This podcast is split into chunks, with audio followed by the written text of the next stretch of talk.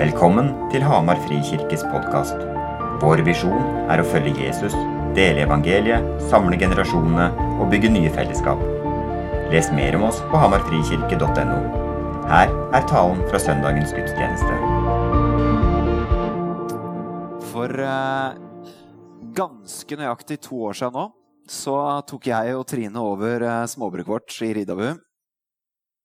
Og helga vi fikk nøklene til eh, småbruket, det var første helga hvor Trine hadde et av sine sterkeste angstavfall. Um, Trine møtte veggen så det sang. Midt i oppussing, midt i kjøp av ett hus og midt i salg av ett hus. Og studier, og hun spilte inn en plate og ga ut en plate. Og det var eh, sju til åtte ganske heftige uker fra vi tok over småbruket, til jeg fullførte siste strøk på siste gulv klokka fire på lille julaften den jula der. Og den julefeiringa, den var ikke, den var ikke, den var ikke eh, kjempegøy. Um, jeg husker andre juledag, da hadde vi hatt eh, pinnekjøttfest hjemme hos oss med svigermor og svigerfar på besøk.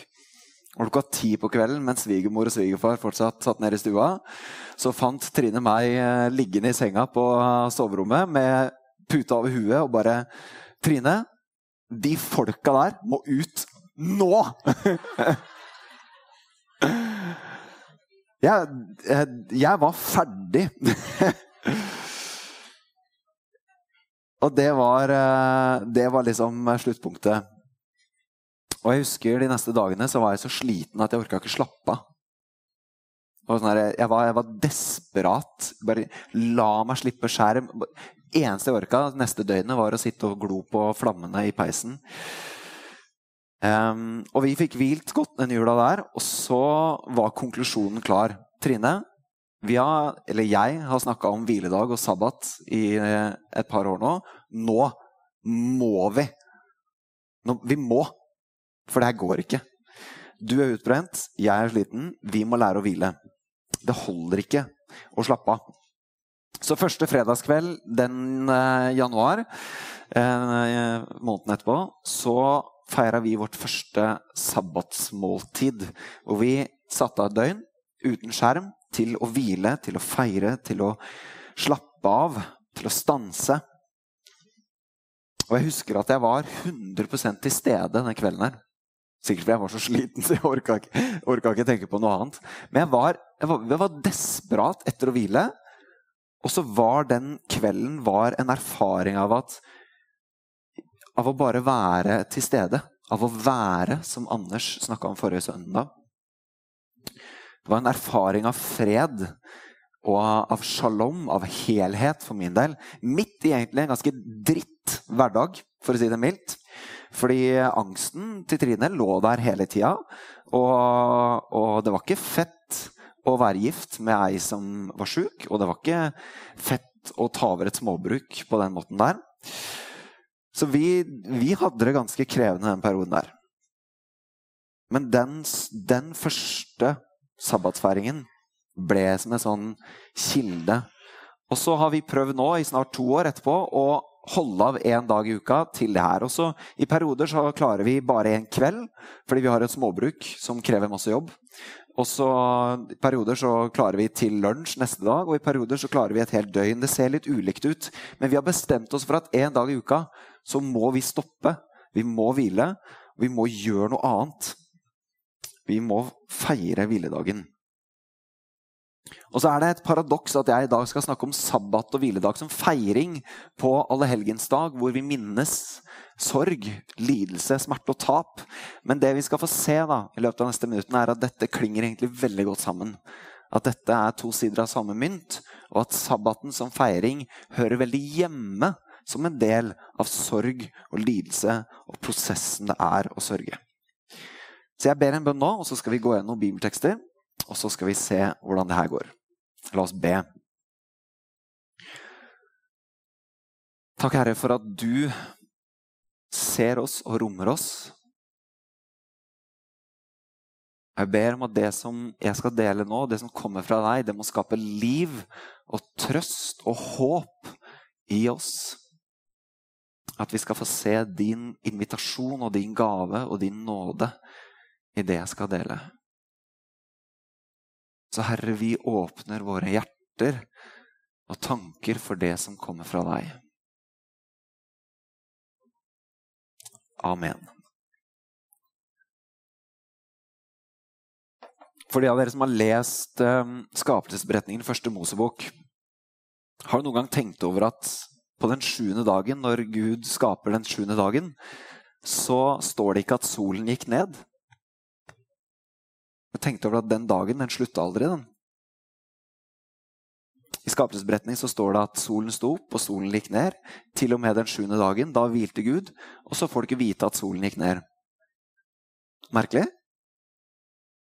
Men jeg tror det er en måte for forfatteren å si at tilstanden i skaperverket, tilstanden i eden, var en tilstand av sabbat. Var en tilstand av hvile, var en tilstand av helhet. Hvis du ser på det hebraiske ordet 'eden', som vi liksom beskriver Edens hage med, så er det et ord som betyr glede. Delight, tilfredshet, nytelse. Skaperverket var i en tilstand av sabbat, av shalom. Shalom er jo ikke et ord som bare som, Det norske ordet fred rommer ikke shalom nok. For shalom er helhet, gjenopprettelse, opprettelse, helbredelse. Verden eksisterte i shabbat shalom. Og Dette er kanskje en av grunnene til at jødene hilser hverandre med shabbat shalom på hviledagen.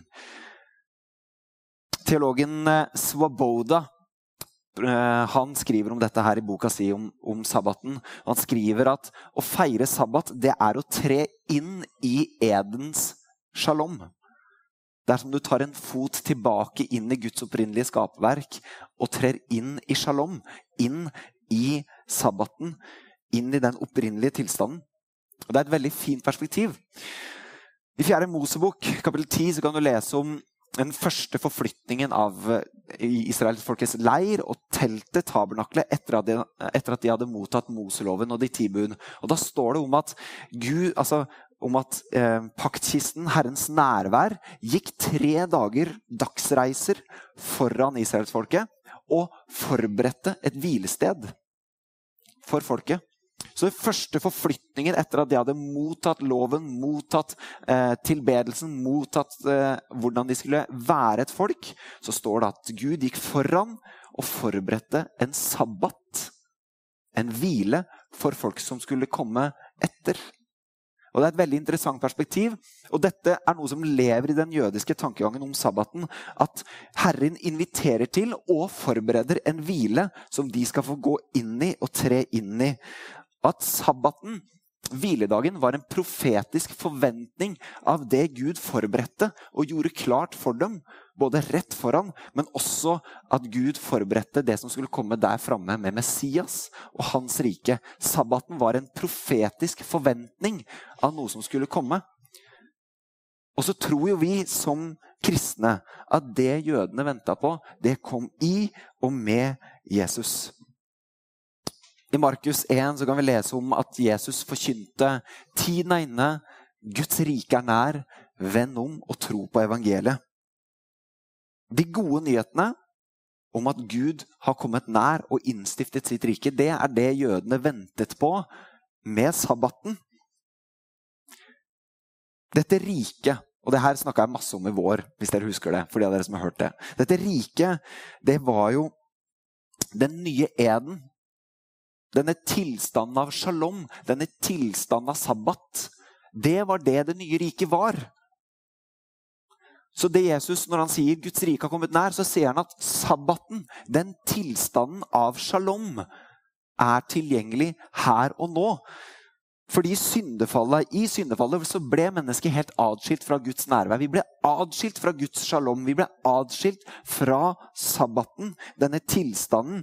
Og Gamletestamentet forteller om hvordan Gud søkte å gjenopprette dette nærværet mellom seg og sitt skaperverk gjennom eh, Moseloven og det vi kan lese om der.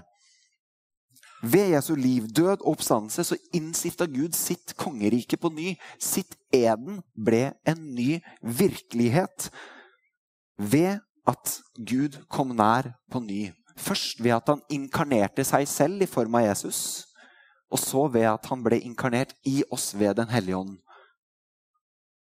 Denne tilstanden av sabbat, av shalom, av Guds, eller av foreningen mellom Gud og skaperverket i Eden, ble på ny tilgjengelig i oss. Jesus viste oss hva Guds rike er, med hele sitt liv, med sin oppstandelse, med sin død. Og når du leser om Jesu liv, så leser du om helbredelser. Du leser om barmhjertighet. Du leser om møter mellom mennesker.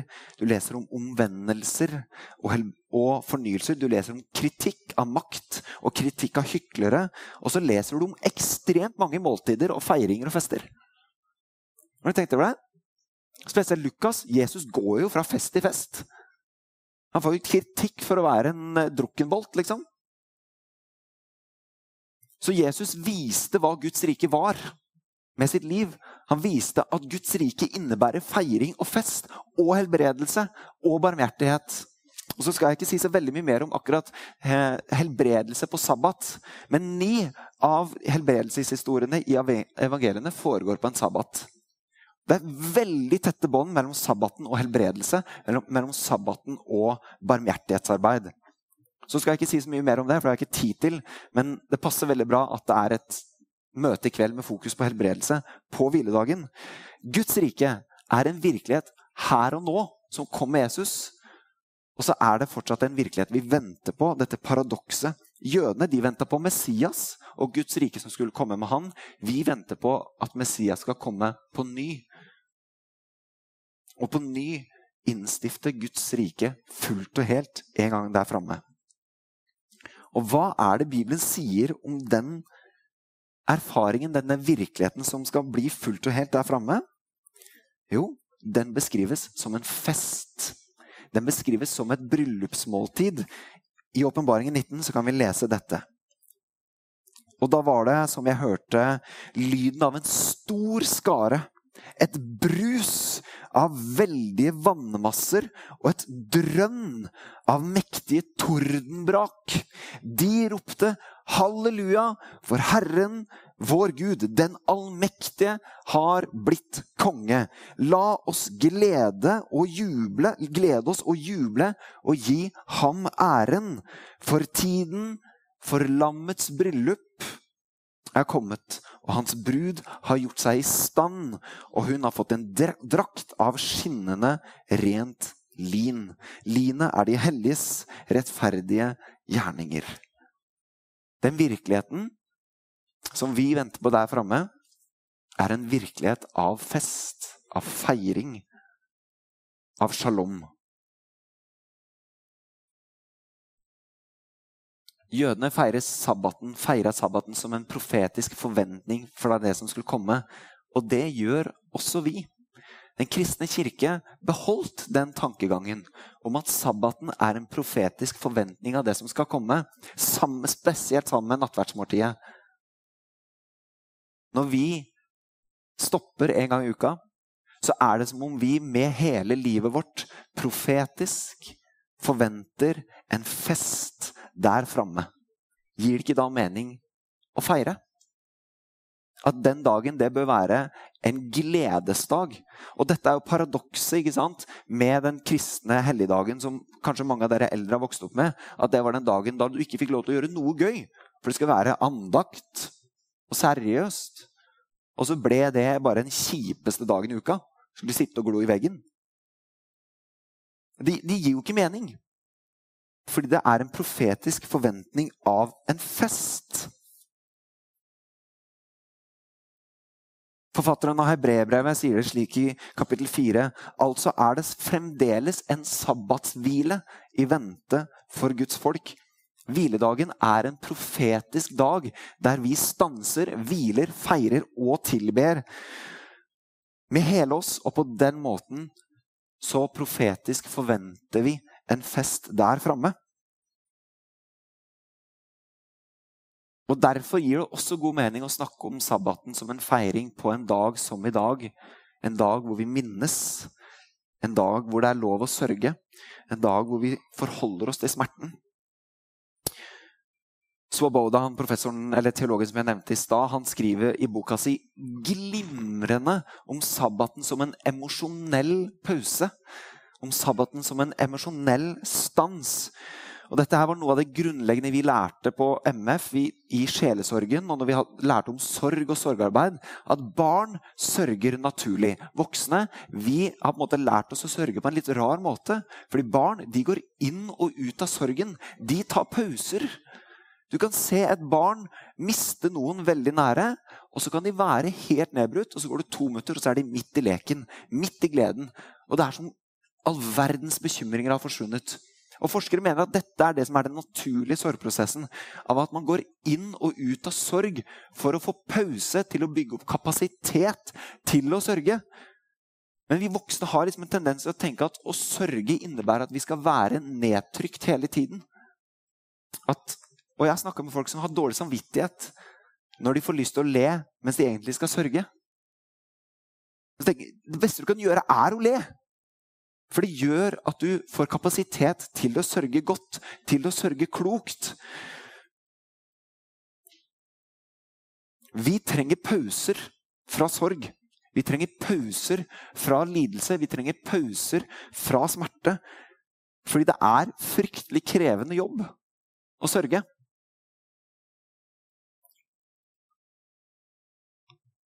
Tenk på det. At Gud inviterer oss en dag i uken inn i en feiring og inn i en hvile og en pause også fra sorg og smerte. Det er jo veldig interessant at forskning bekrefter at det er lurt. da. Det er jo fantastisk, tenker jeg. Og så veit jeg at det høres mye enklere ut enn det det er i realiteten å si nå må du bare ta en pause fra sorgen din. For det er ikke enkelt. Så jeg mener ikke å glatte over og si at du må bare ta en pause. Det er ikke det jeg mener. Det jeg prøver å si, er vi inviteres inn i også en hvile fra smerte. En hvile fra sorg. En hvile fra krevende emosjoner. En dag i uken. En, vi inviteres inn i Guds opprinnelige shalom. Inn i eden, inn i gleden da må vi gjøre ting som er gøy. Da må vi gjøre ting som gir glede, som gir mening. Og hva er det for deg? Hvordan ser det ut for deg å ta pause? Hvordan ser det ut for deg å erfare glede og eh, mening? La meg gi et siste poeng her, for jeg skal si noe om det praktiske. Fordi Grunnen til at høytider og feiringer hadde så stor plass i den jødiske teologien, er fordi man tenker at feiringer former. Når vi gjør ting med kroppen, når vi feirer, så skjer det noe med oss. Men det er en annen ting her, og det er at jødene har en tanke om hva åndelighet, åndelighet er. Som kanskje mange moderne kristne har kobla seg litt av. Vi har, eller mange kristne har, en tendens til å tenke at åndelighet det er en indre, ofte emosjonell eller åndelig erfaring frakoblet det fysiske. Åndelighet er noe jeg erfarer rundt meg eller i meg, knyttet til emosjoner. Men når du ser den jødiske tanken om åndelighet, så var ikke den frakoblet det fysiske. Så en jøde tenker at arbeid er åndelig.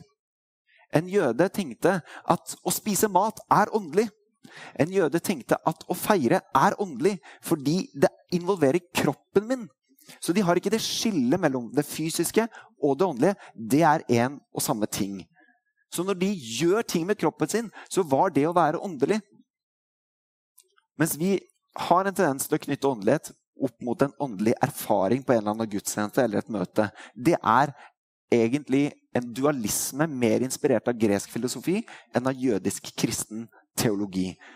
Spise, tenk på det, Hvis å spise mat er åndelig, Maten jeg spiser, er velsignet i kraft av at den er skapt. Jeg trenger ikke be for maten og velsigne den. Nei, den er velsignet fordi den er skapt og gitt. Og så er det interessant da, at du ser også at eh, når Jesus gjør brødundre, så takker han og velsigner. Også Under annen verdenskrig var det veldig mange som erfarte matundre ved at man velsignet maten Og så ble det mer enn det det eh, var opprinnelig. Så Jeg sier ikke at vi ikke skal be for maten, men poenget mitt er at den jødiske tankegangen var at maten var velsignet i seg selv. Derfor, når jeg spiste, så var det en åndelig erfaring. Når jeg feiret, så var det en åndelig erfaring. Det var tilbedelse. Og dette tror jeg vi må ta med oss. For tenk så rik og dyp en feiring kan bli når vi har det perspektivet med oss. Slik at når jeg og Trine spiste helstekt and nå på fredag Det var helt konge. Akkurat passe mørt. Kunne vært litt mørre. Hadde fortjent en eller to timer til i ovnen, tror jeg. Så var det helt strålende. Og så kan det være både en feiring og det er åndelig på en og samme tid. Og så er arbeid en del av det samme, og dette skal Joakim snakke om om et par uker. Vi, vi, må slutte å sette opp et kunstig skille mellom åndelighet og materielle eller fysiske erfaringer. Fordi det er Det skillet eksisterer ikke i Bibelen. Vi må slutte å, å underåndeliggjøre fysiske erfaringer, og heller si at det er dypt åndelig. Det gir veldig god mening i en jødisk-kristen tankegang å tenke at feiring, lek, fest og moro med møysomhet altså, ikke, ikke, la det skli helt ut, for da bikker det. Men det er åndelig, og det er tilbedelse. Mat er åndelig. Og nå, nå, Der kan det også skli ut. ikke sant? Fordi Vi skal ikke gjøre det mer åndelig enn det det er heller. Men vi kan, ikke, vi, må, vi kan ikke sette opp det skillet, da, er det jeg prøver å si. Det er veldig fascinerende hvor mye fest er en del av den bibelske fortellingen. Så hvordan ser det her ut i praksis, da? La meg si litt om hobby. Fordi eh, de alle spørsmålene jeg har fått etter uh, første tale, hvor jeg snakka om det å stanse, handler om hobby. Og, og det, det, tenker jeg, det må vi snakke om. Fordi hobby det eksisterte det eksisterte veldig lite hobby på Jesu, Jesu tid. Man drev ikke med frisbeegolf. Og, uh, og, uh, og, jeg driver et småbruk og kaller det hobby. Og så øh, kanskje er det det, jeg veit ikke. Men hobby er en greie her som vi er nødt til å snakke om. Og her, her er risikoen for at det blir veldig regelstyrt og veldig bønne, og, og kan bli usunt. Og I stedet for at jeg skal sitte og si her, stå her og si da, sånn må det se ut, så tror jeg hver og en av oss må vurdere sjøl hvordan ser det ut for meg å sette grenser i, med tanke på arbeid og produksjon, men der det ikke bikker over i at jeg ikke skal gjøre det som er meningsfullt og gi glede for min del. Et eksempel som jeg har brukt flere ganger. Jeg jogger ikke på sabbaten. For det er på ingen måte hobby. For det det, det er, for meg å produsere noe. Jeg skal bedre meg selv. Det er noe, det er noe veldig sånn vekstorientert med det. tenker jeg, Nei, det skal jeg stanse fra, men jeg går gjerne tre timer og spiller frisbeegolf, som gir samme treninga, men som er bare lek. Vi, jeg og Trine vi snakka om det her med tanke på at første året vi feira sabbat, så var Trine Jeg klarte ikke å jobbe i hagen. ikke sant? Jeg fikk bare, bare arbeidsfølelse av å være ute og jobbe på gården. Trine syntes det var helt konge å grave i jorda og jobbe med planter. Og gjorde det masse. Masse glede, masse mestring, hobbyfølelse. I år, i sommer, sa Trine at jeg får arbeidsfølelse av de greiene her. Så hun måtte dempe det. Og Det handler om, være, handler om å ta tak i sabbatens visdom og verdier og justere underveis. I stedet for å tenke at det er en regel, så må du få tak på visdommen. Så filteret vi kanskje kan vurdere hobby gjennom, er tar det meg inn i Guds shalom? Inn i fred? Inn i gjenopprettelse? Er det helbredelse i dette? Knytter det meg til Gud? Eller er det egosentrisk og jeg dyrker meg selv? Som en del hobby kan være. Ikke sant? Så hvilket filter er det vi gjør den vurderingen gjennom? Tar det meg inn i gleden? Inn i eden? Og der må hver og en vurdere sjøl. Ikke sant? Jeg, jeg, gleder meg til å kjøre ski på sabbaten i vinter. Det er ikke sikkert jeg går på langrenn, for det er igjen kanskje litt sånn treningsfølelse. Og så kan det være annerledes hvis jeg tar på meg fjellskia og tusler rundt på jordene. Jeg går på ski, men hele følelsen rundt er annerledes. Her, det, liksom, det, er sånne nyanser, sånne vurderinger, jeg, jeg sier at vi må gjøre. fordi da får vi tak på sabbatens visdom. Sabbatens shalom. Gleden, feiringen.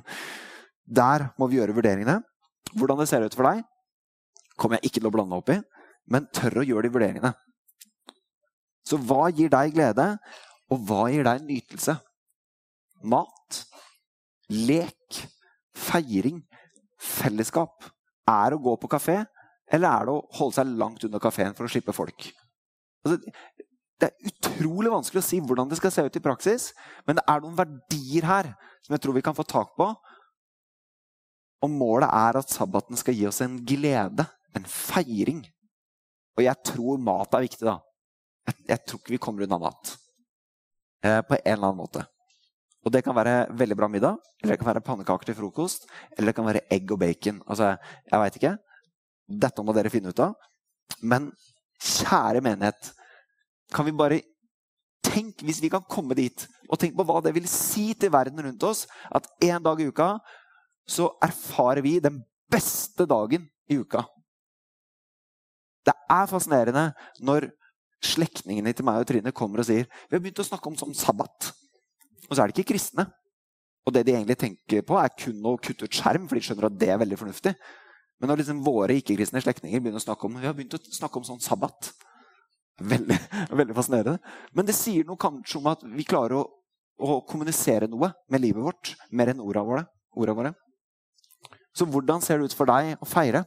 Hvordan ser det ut for deg å leke en dag i uka? Og hva trives du å leke med? Og hvordan ser det ut for deg å tre inn i Guds hvile, også inn i den emosjonelle pausen? Jeg skal si ett praktisk tips der til slutt. Ikke, jeg og Trine har ikke gjort det. Men jeg vet at det er en del som feirer sabbat, som starter med at de skriver ned bekymringer, skriver ned sorger, skriver ned ting som gir tankekjør. Bare for å sette ord på det, så deler de det og får den på en måte opp i, opp i lyset og så legger de det til side. Nå tar vi dette, nå tar vi et døgns pause fra det. Så gir vi det til Gud, og så lar vi det være. Kanskje det kan være noe sånn praktisk som kan hjelpe. Få det ned, si hva det gjelder, og få det ut. Dere kan få komme opp igjen, Jon Arne. Um, vi har lyst til å begynne å fortelle historier om dette. Um, så på podkast nå til uka så kommer det en historie sammen med Sandra Iversen om sabbat. Og hvis noen av dere har begynt å praktisere her og begynt å gjøre noen erfaringer, så vil vi høre det. På godt og vondt. Også det som er slitsomt med greiene, og det som er gøy. Fordi vi trenger å fortelle historiene. Dere, og vi trenger historier fra de som har barn. Eh, fordi jeg har ikke barn, og dere som har barn, syns sikkert min sabbat høres fantastisk ut. Eh, og så, og så må dere lære av noen andre enn meg. Men men vi trenger historier. Så hvis dere gjør dere noen erfaringer her og har begynt å praktisere, kan dere ikke dele det.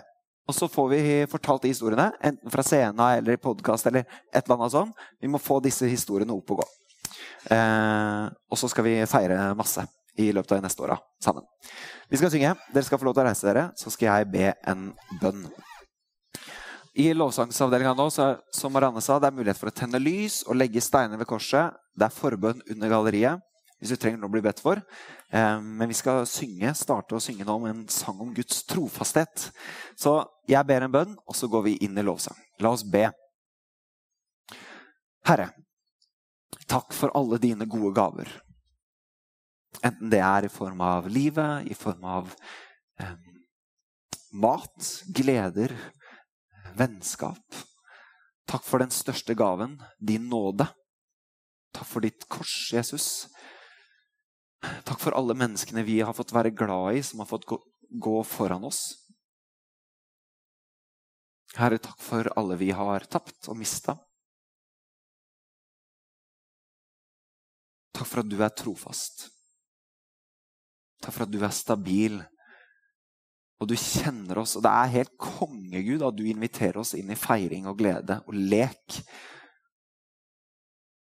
Så gi det bærekraftige livet, Gud. Jeg så ber jeg det over oss som menighet, over byen vår.